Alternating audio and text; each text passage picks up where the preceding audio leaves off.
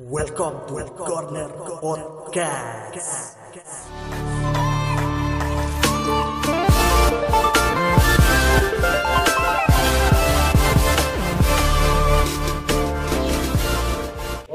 Oke guys, kita kembali lagi di Corner Podcast. Kali ini bersama eh, bintang tamu kita, salah satu pelatih yang bisa dibilang pelatih muda potensial dan sekaligus sudah ada di sini eh, Mas Gani yang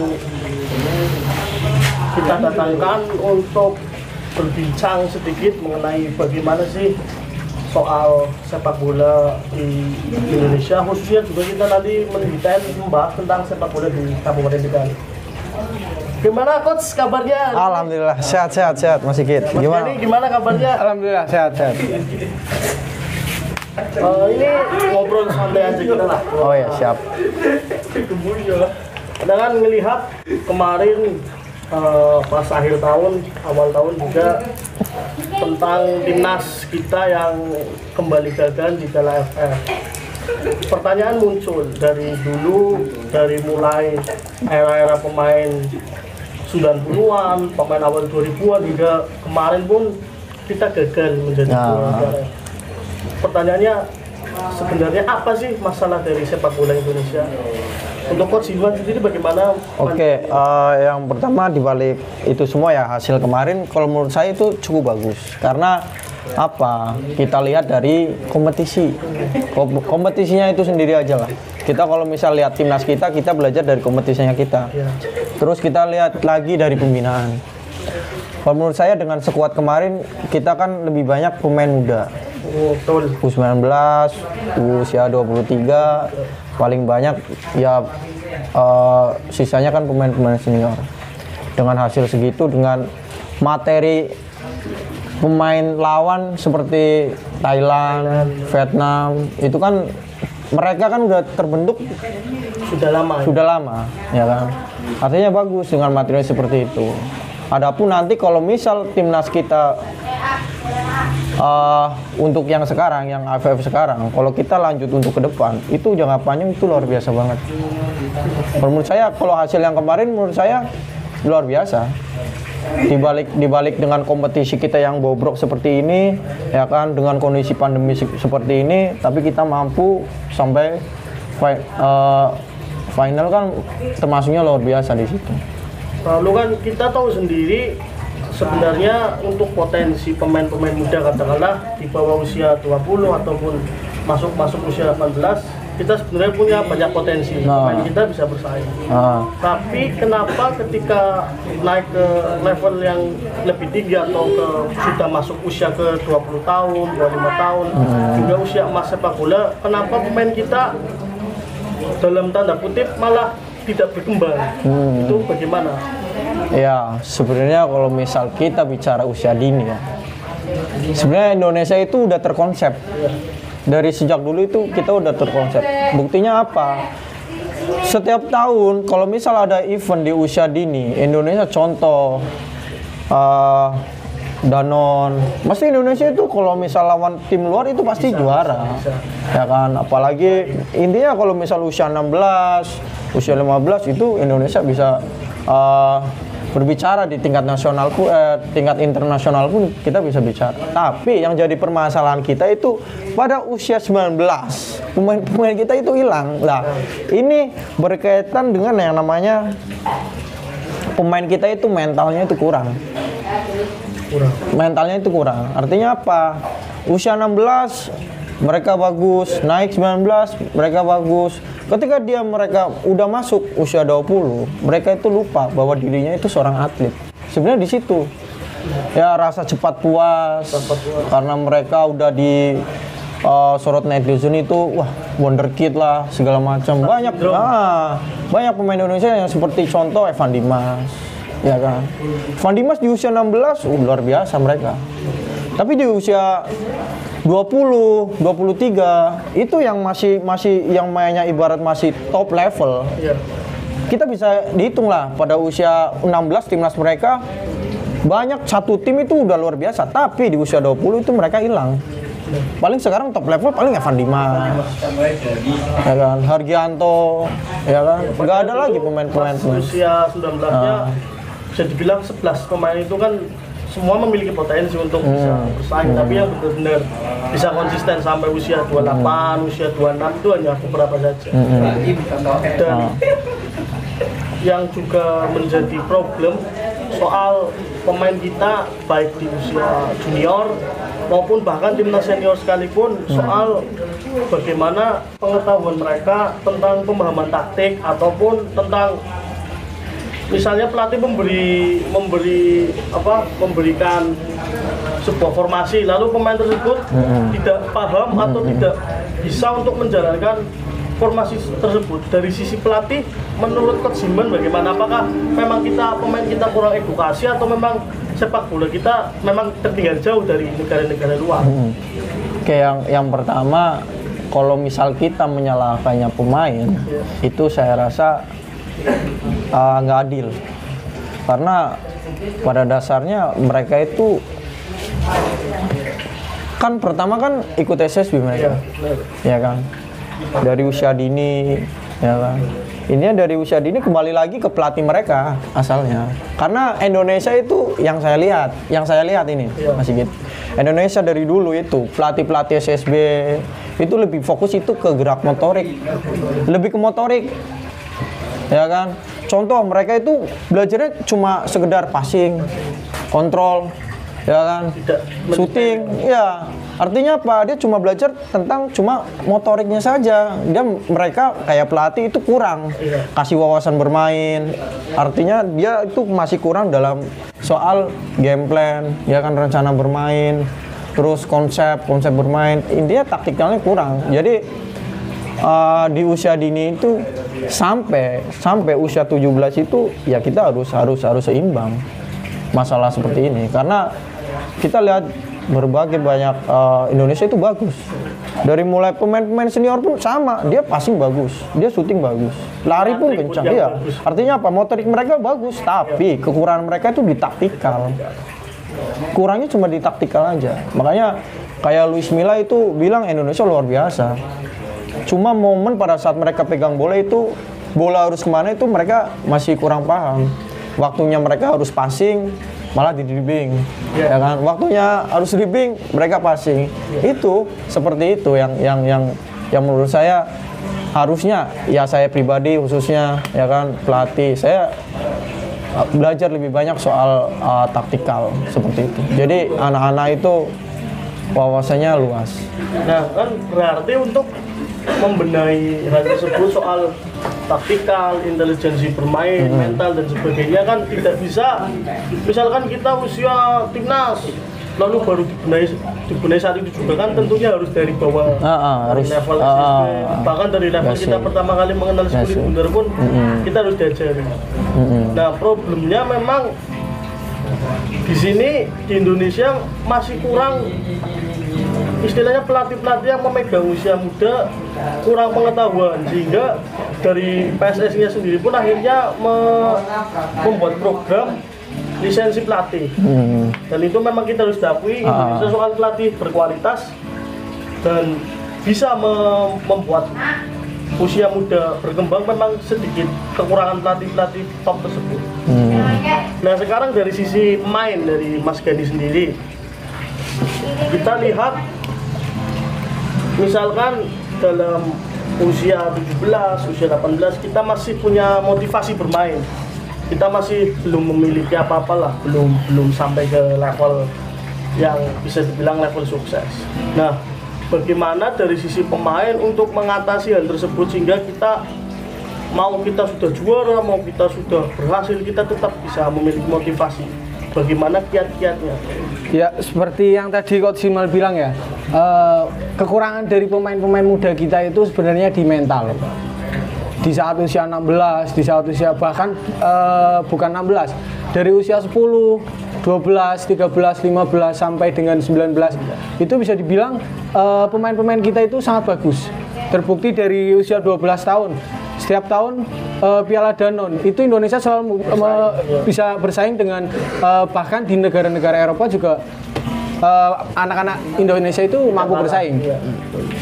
Tapi di saat usia 16, 19 itu mereka Sudah mulai menurun. Iya. kalau dibilang menurun belum, bahkan masih bisa dibilang peningkatannya masih, drastis. Iya, iya. Tapi ketika 19 ke atas, usia 20, 21, 23 itu pasti eh, performanya itu pasti menurun. Karena ya balik lagi itu di mental. Eh, menurut saya itu sa- salah satu cara untuk mengatasi seperti itu ya para pelatih-pelatih lokal ya. Kita bahasnya itu karena pemain-pemain muda itu berasal dari lokal semua. Pelatih-pelatih lokal itu harus menanamkan mental, mental yang bagus, eh, visi bermain yang bagus. Jadi agar ke depannya itu pemain-pemain muda kita itu lebih baik lagi. Lalu kita kan setiap katakanlah setiap setiap desa ataupun setiap kecamatan di seluruh Indonesia katakanlah memang sudah memiliki lapangan sepak bola. Nah, tentu dari lapangan tersebut satu atau dua orang anak kan memang ada yang benar-benar berpotensi ataupun berbakat. Indonesia memang kekurangan kompetisi khususnya Ah, di usia ya. muda kompetisi yang benar-benar berjenjang. Sehingga pemain tersebut nanti di usia yang sudah memasuki usia profesional sudah siap. Apakah memang kita harus membuat benar-benar membuat kompetisi itu untuk usia muda atau memang ada cara lain? Ya, yang pertama itu tadi kalau kita mau bicaranya eh, levelnya level internasional, ya kita harus berkiblat ke Eropa juga. Apa yang Eropa buat selama mereka berjalan sampai mereka punya eh, timnas yang bagus, terus kompetisi yang bagus, ya itu dari mulai dari kompetisi yang pertama. Terus kita balik lagi ke yacht, balik lagi ke pembinaan usia dini. Itu sangat penting. Ya, kalau di luar negeri itu setiap klub, setiap tim itu mempunyai yang namanya elite development. Ya. Dari situ, itu yang kurangnya kita itu di situ. Yang pertama, nggak ada yang namanya elite development di situ. Ya contoh tim bagus seperti Persija pun mereka menerapkan seperti itu baru kemarin-kemarin. kemarin ya Ya, harusnya seperti seperti Eropa lah. Kalau kita mau bicara tingkat yang lebih tinggi, ya kita harus berkiblat ke Eropa. Mau nggak mau. Di sana kompetisinya bagus. Di sana eh, timnasnya bagus. Ya kalau kita mau bicara sama mereka, ya kita harus belajar di sana. Ya mungkin. Terus masa, kalau misal kita bicara, apakah harus ada eh, kompetisi-kompetisi? Ya itu itu penting. Artinya apa? Anak-anak itu eh, bisa berkembang lewatnya ya lewat kompetisi itu tersebut. Contoh, kita latihan bagus nih. Latihan kita bagus. Pagi sore kita latihan. Ya, setiap minggu kita latihan, setiap bulan kita latihan. Tapi nggak adanya kompetisi percuma. cuma Ya. karena Terus tidak ah, ada tempat untuk dari hasil latihan Nah, iya itu. kita jalan Ah. Kalau misalnya adanya kompetisi kan kita bisa ah, belajar. Ya pemain pun juga harus Punya prospek. Ya harus belajar. Karena anak-anak yang dibutuhkan di usia dini itu yang eh, jam terbang itu yang pertama. Jadi mereka bisa belajar dari lawan-lawan mereka di sini. Ya itu itu tadi kita harus bentuk yang namanya kompetisi yang luar biasa. Ya sekarang Indonesia udah udah banyak kompetisi usia dini. Ya kayak sekarang Elite Pro ya terus udah masuk ke senior jadi kita enak ya seperti itu sih makanya uh, kalau misal seperti ini satu tahun dua tahun tiga tahun ke depan kalau misal program seperti ini terus ditingkatkan masalah usia muda ya insya Allah nggak menutup kemungkinan timnas kita bakalan bagus dengan berbagai banyak pilihan. Anak muda yang luar biasa yang punya potensi kita banyak pilihan di situ. Ya nggak salah kalau Indonesia dibilang sebagai Brasilia Asia. Ya, ah. kita punya banyak pemain berbakat punya banyak lapangan cuma memang dari pemain-pemain tersebut tidak ada wadah jika kita dibandingkan dengan Brasil Hmm. pemain Brasil banyak sekali mulai dari pemain jalanan pemain atau di sini sebutnya antar kampung tapi memang di sana punya punya sebuah liga yang akhirnya pemain-pemain tersebut juga berani untuk eh, bertanding di luar negaranya mereka kita lihat di Ah, ah. Liga Indonesia ada berapa pemain Brasil di Liga Inggris, Liga Spanyol ataupun liga-liga dunia lainnya Hmm. sekarang kenapa sih eh, istilahnya kita seakan hanya memikirkan target jangka pendek misalkan turnamen kita harus juara kita harus juara kita harus berhasil termasuk pun SSB saat ini ataupun SSB Ah. di Indonesia kenapa masih kebanyakan loh masih kita berpikir tentang bagaimana hasil bagaimana kita bisa mendapatkan gelar. Padahal kalau eh, fungsi dan tujuan utama dari pembinaan adalah perkembangan. Ah. Hilman bagaimana? Ya itu tadi. Harusnya kita harus menanamkan ya kita juga harus eh, mengedukasi siswa juga harus mengedukasi orang tua siswa juga. Karena apa? Orang tua siswa itu selalu berpatokan semakin banyak piala itu semakin bagus. Bagus, iya. berarti anaknya itu bagus. Tapi secara tidak sadar itu apakah semakin kita juara semakin piala yang kita dapat apakah eh, bisa ngejamin anak ini bakalan bisa eh, yang namanya bisa sukses atau sukses di sepak bola? Nggak juga. Karena banyak SSB SSB yang setiap tahun itu ngumpulin piala ya tapi kan cuma contoh satu tim ada 11 orang. Nggak mungkin se- 11 orang ini bakalan sukses. Nggak mungkin saya berani apaan? Nggak bakalan sukses 11 orang. Ini. ya. Paling cuma beberapa pemain yang yang ibaratnya konsisten. Hmm. jadi balik lagi ke pelatih. Pelatih harus menanamkan mindset menanamkan eh, mengedukasi siswa itu tersebut mengedukasi orang tua siswa bahwa sepak bola itu nggak menuntut soal juara juara juara. Apalagi di usia usia muda ya usia muda kalau misal kita tuntutannya itu juara nggak bakalan bisa nyampe kita. Ya juara gampang juara. Kalau kita bikin turnamen sendiri gampang. Juara gampang. Ya balik lagi. Tujuan kita itu untuk apa? Di usia muda itu perbanyak pengalaman di situ. Belajar basic. Kan seperti itu. Bukan bukan bukan lagi tentang juara. Karena karena karena kalau kita mau bicara juara kalau kita mau bicara prestasi itu kita nanti kalau hasilnya itu udah kelihatan. Anak-anak udah bagus secara basic ya secara fundamental udah bagus. Itu pasti ngikut sendiri yang namanya juara itu tersebut. pasti ah, ah, ah. iya. Itu sih kalau Kan menurut kompleks kita bicara sepak bola Indonesia Ah. secara keseluruhan dari mulai permasalahan bagaimana solusinya. Sekarang kita bicara tentang bagaimana pembinaan. Ah. Sepak bola di khususnya di Kabupaten Tegal. Hmm. habis setiap kecamatan pasti setiap kecamatan ada yang namanya sekolah sepak bola. Ah. bahkan pun setiap desa ada yang namanya sepak bola. Setiap minggu kita lihat ada yang sparring, ada yang kompetisi, baik yang usia pembinaan dini ataupun para pemain-pemain yang usianya sudah memasuki senior. Apakah di Kabupaten Tegal sendiri memang membutuhkan kompetisi yang berjenjang sehingga bakat-bakatnya tersaring dan begitu juga diikuti di kabupaten-kabupaten lainnya apakah itu bisa menjadi solusi menurut Mas Gani? Kalau menurut saya itu sebenarnya eh, pembinaan itu di usia-usia dini itu sangat membutuhkan eh, yang namanya itu kompetisi karena dengan adanya kompetisi pemain-pemain muda kita itu bakalan mendapatkan jam terbang, jam terbang yang bagus. Artinya eh, secara tidak langsung juga nanti mental bermain itu pasti akan kebentuk sendiri. Untuk di Kabupaten Tegal sendiri sekarang yang jalan itu hanya divisi ASKAP divisi 1 dan divisi 2 sedangkan eh, kita lihat tahun kemarin peserta divisi 2 itu sangat banyak. Banyak. artinya dengan adanya minat yang luar minat yang luar biasa itu harusnya menjadi PR tersendiri bagi eh, bagi ASKAP Kabupaten Tegal itu ayolah kita bangun sama-sama. Jangan selalu memikirkan tentang eh, prestasi jangka pendek. Di Kabupaten Tegal itu sangat banyak.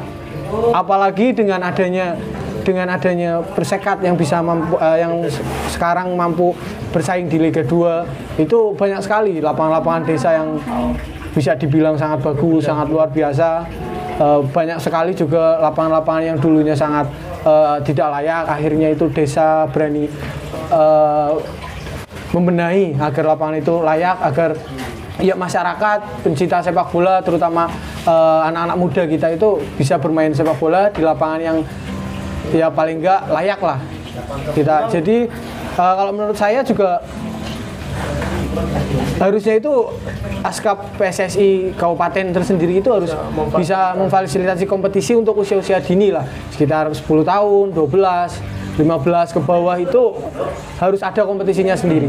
Memang seperti yang tadi dibilang divisi 1, divisi 2 ataupun ada divisi 3 sebenarnya memang semua tim mempunyai apa ya mempunyai greget kompetisi gitu loh mempunyai semangat kompetisi. Tapi sayangnya eh, kompetisi ASGAP divisi 1, divisi 2 maupun eh, divisi 3 hanya paling berkompetisi satu bulan lebih ataupun beberapa minggu. Iya. Seharusnya memang baik di Asgab Kabupaten Tegal maupun Asgab-Asgab lainnya memadai kompetisi internal yang berjenjang setiap minggu bermain, bermain beberapa pekan sehingga pemain masih dalam kondisi yang baik, masih dalam istilahnya dia berkompetisi di kompetisi yang baik sehingga nanti ketika keluar mencoba untuk ke kompetisi profesional sudah siap secara mental maupun secara fisik dan lainnya. Nah di Kabupaten Tegal sendiri memang punya potensi. Eh, faktanya ada beberapa pemain asli Tegal yang bisa tembus Ya. ke liga nasional, ke liga profesional. Tapi eh, apa sih yang sebenarnya menurut Coach Hilman? Sebenarnya kenapa dalam beberapa tahun terakhir kita memang di SSB Kabupaten Tegal seperti kehilangan apa ya kehilangan mulai kehilangan eh, prestasi kita mulai greget kita apakah memang ada penurunan dari segi dari segi kita mengelola SSB tersebut ataupun menurut Coach Himan bagaimana? Nah, kalau menurut saya kalau misal kita mau bicara penurunan yang namanya eh, kualitas pemain ya, ya kita balik lagi ke kompetisi. Benar. Ya. Kita mau bicara mau gimana caranya? Ya contoh Irham pun dulu. Ya, Iya. karena dia itu dari mulai SSB dia udah dididik dengan keras di situ juga ya dia juga ikut kompetisi dan lain-lain ya yang terjadi apa? Uh, ada perkembangan di situ. Ya ada peningkatan di situ. Peningkatan skill peningkatan mental peningkatan cara bermain dia. Yang akhirnya itu yang bisa mendukung kualitas bermain dia. Sedangkan di kompetisi sekarang kita susah.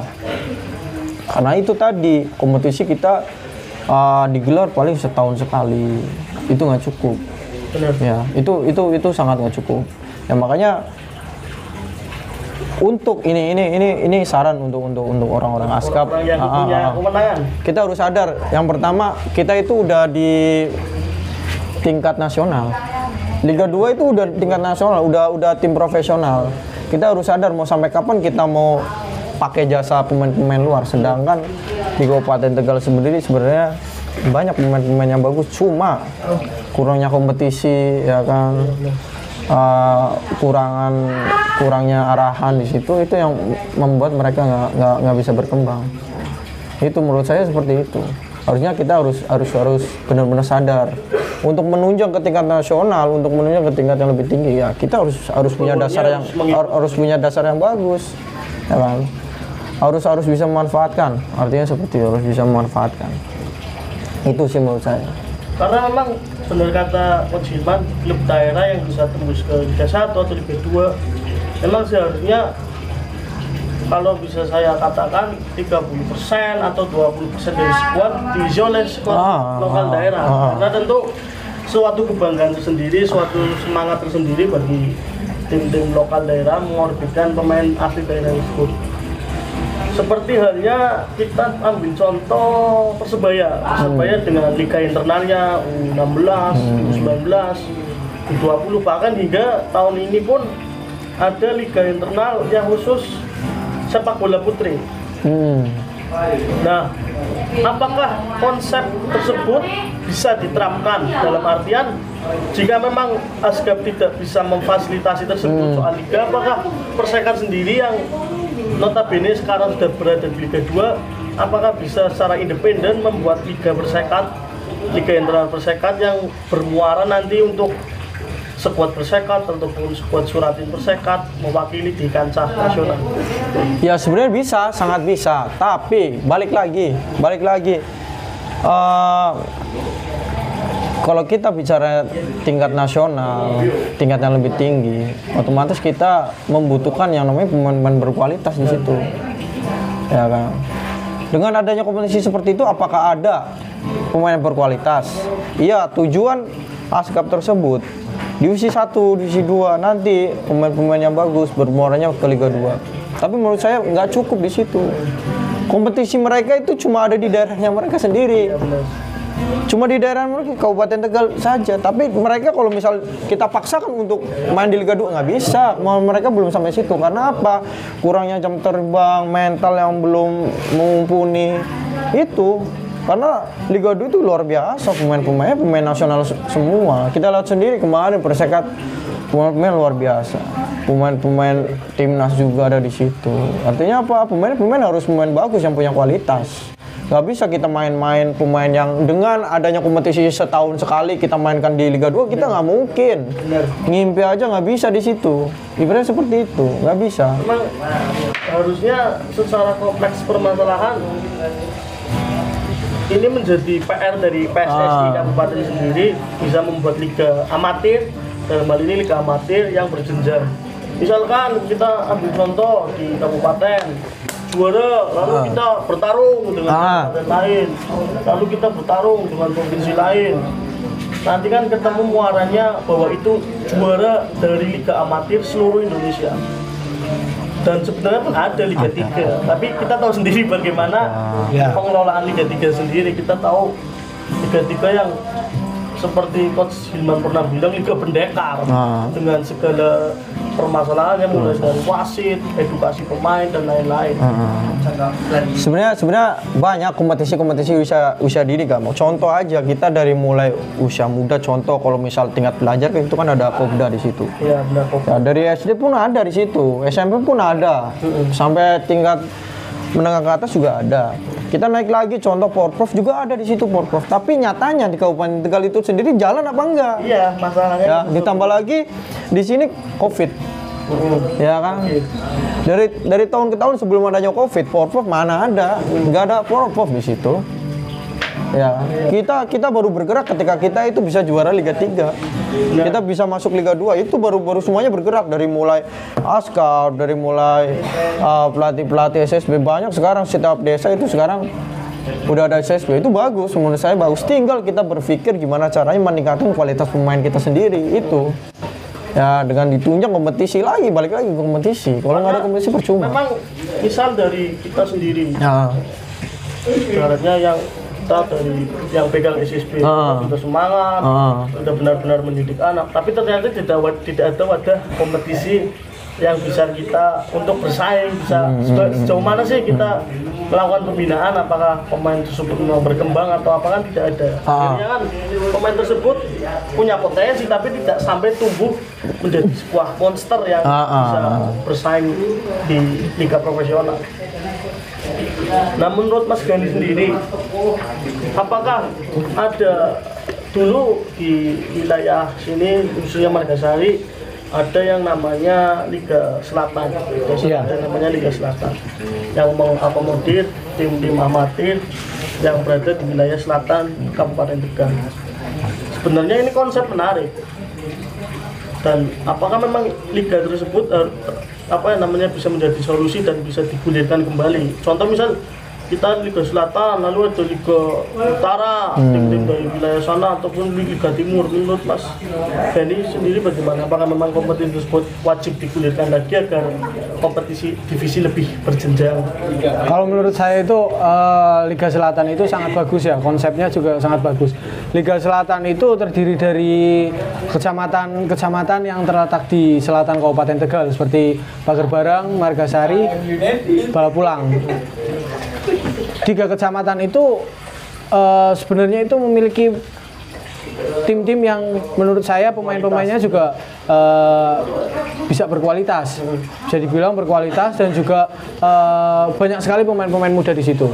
yang artinya masih bisa ditingkatkan lagi untuk menjadi ya bisa dibilang the next Irham, the next Owen itu sangat bisa. Kalau menurut saya Liga Selatan itu emang harus dijalankan lagi.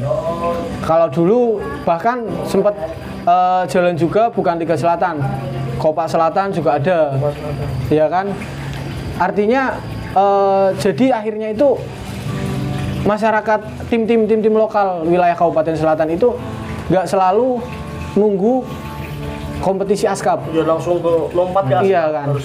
Artinya di Liga Selatan pun ada. Jadi dengan adanya Liga Selatan, tim-tim tim-tim Kabupaten Tegal area selatan itu akhirnya memiliki dua kompetisi. Liga Selatan dan juga divisi Askap. Bahkan kalau semisal Copa Selatan juga jalan artinya memiliki tiga Kompetisi. kompetisi dalam satu tahun. Cuma yang jadi yang sangat disayangkan itu usianya. Karena eh, ya tidak tahu sendiri divisi Askap itu usia 21 tahun. 21 tahun itu menurut saya ya itu bukan masa-masa pembinaan. Kalau misalnya divisi dengan 21 tahun lulus SMA itu 17 tahun. Banyak sekali anak-anak yang lulus SMA itu bimbang. Artinya ya mereka dari kecil bermain bola, latihan di SSB bahkan nyampe eh, SMA. Ketika lulus SMA nggak ngelanjutin kuliah, apa yang mau dilakukan? Kalau nggak kerja, kalau sumpah anak itu kerja, artinya waktu buat sepak bola itu berkurang waktunya buat sepak bola berkurang, performanya pasti menurun.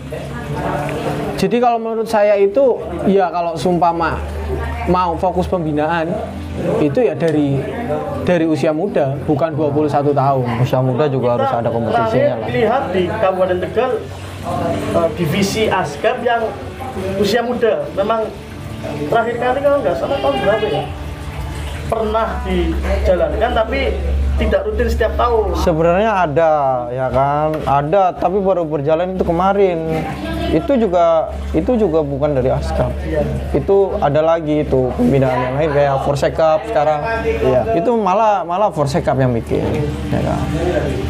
Itu bagus semakin semakin banyak ada komunitas seperti itu semakin bagus. memang harusnya berjenjang dari usia usia muda jadi setiap tim-tim tim-tim amatir di setiap desa ataupun tim PS di sini sebutannya Persatuan Sepak Bola punya pemain dari usia 16 juga pemain-pemain senior seperti jadi juga konsep Liga Selatan nanti mengumpulkan liga tim-tim yang di sini begitu juga nanti di wilayah utara timur barat lalu nanti berjenjangnya ke Askap, Askap naik lagi ke provinsi.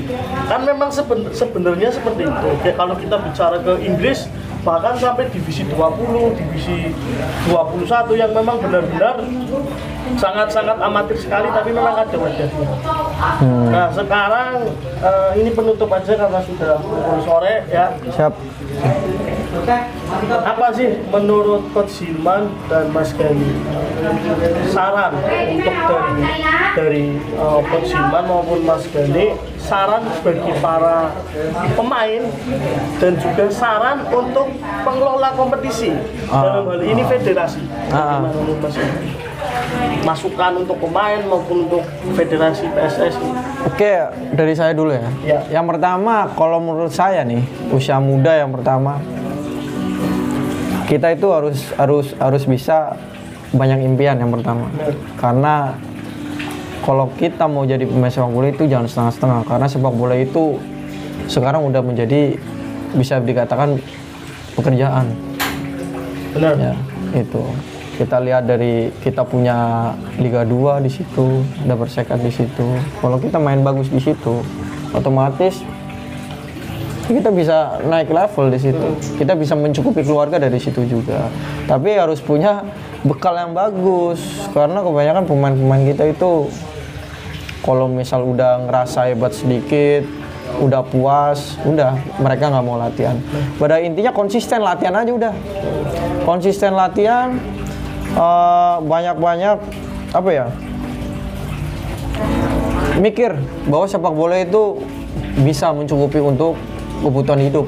Kalau kalau benar-benar kalian mau mau eh, bekerja di sepak bola ya kalian harus punya mental yang bagus juga di situ. Ya harus punya apa ya jiwa yang bagus juga di sepak bola. Ya ya intinya disiplin disiplin, disiplin kerja keras ya. Terus jangan cepat puas itu udah. Terus yang masalah pembinaan perbanyak pembinaan aja udah. Karena apa sekarang setiap desa udah ada SSB Dan kalau nggak ada kompetisi percuma kita cuma latihan doang. Ya. Menurut saya itu sih. Untuk Mas Gani sendiri, Ya kalau menurut saya sebenarnya pola pikir mindset dari anak-anak muda kita itu terbentuk ketika kompetisi itu bisa berjalan dengan baik. Ya salah satu contoh sekarang di Kabupaten Tegal banyak sekali lapangan bagus. Itu semua berkat salah satu faktornya itu Persekat naik ke Liga 2. Artinya kalau sumpama federasi itu benar-benar ngejalanin eh, kompetisi dari usia dini sampai bisa dibilang ya usia 17 tahun lah. 17 tahun ke bawah kompetisi itu jalan setiap tahun bahkan nggak cuma satu tahun itu satu kali. Bahkan bisa lagi diperbanyak dua atau tiga kali. Itu akhirnya secara tidak langsung mindset mindset pemain-pemain muda kita itu akhirnya akan terbentuk eh, lebih bagus lagi. Terus juga semangat untuk latihannya itu akan bertambah, mentalnya juga akan sedikit lebih naik, jam terbangnya juga akan lebih baik. Kalau kita menurut saya itu aja sih. Jadi kuncinya itu eh, di kompetisinya sendiri. memang untuk membenahi sepak bola khususnya kita bicara luas di Indonesia butuh eh, istilahnya butuh kerjasama dari berbagai pihak dari pemain, pelatih, federasi ataupun juga supporter. Karena kalau yang bagus hanya pemainnya percuma karena misalkan yang, yang bagus pemain tapi pemain tidak punya wadah kompetisi.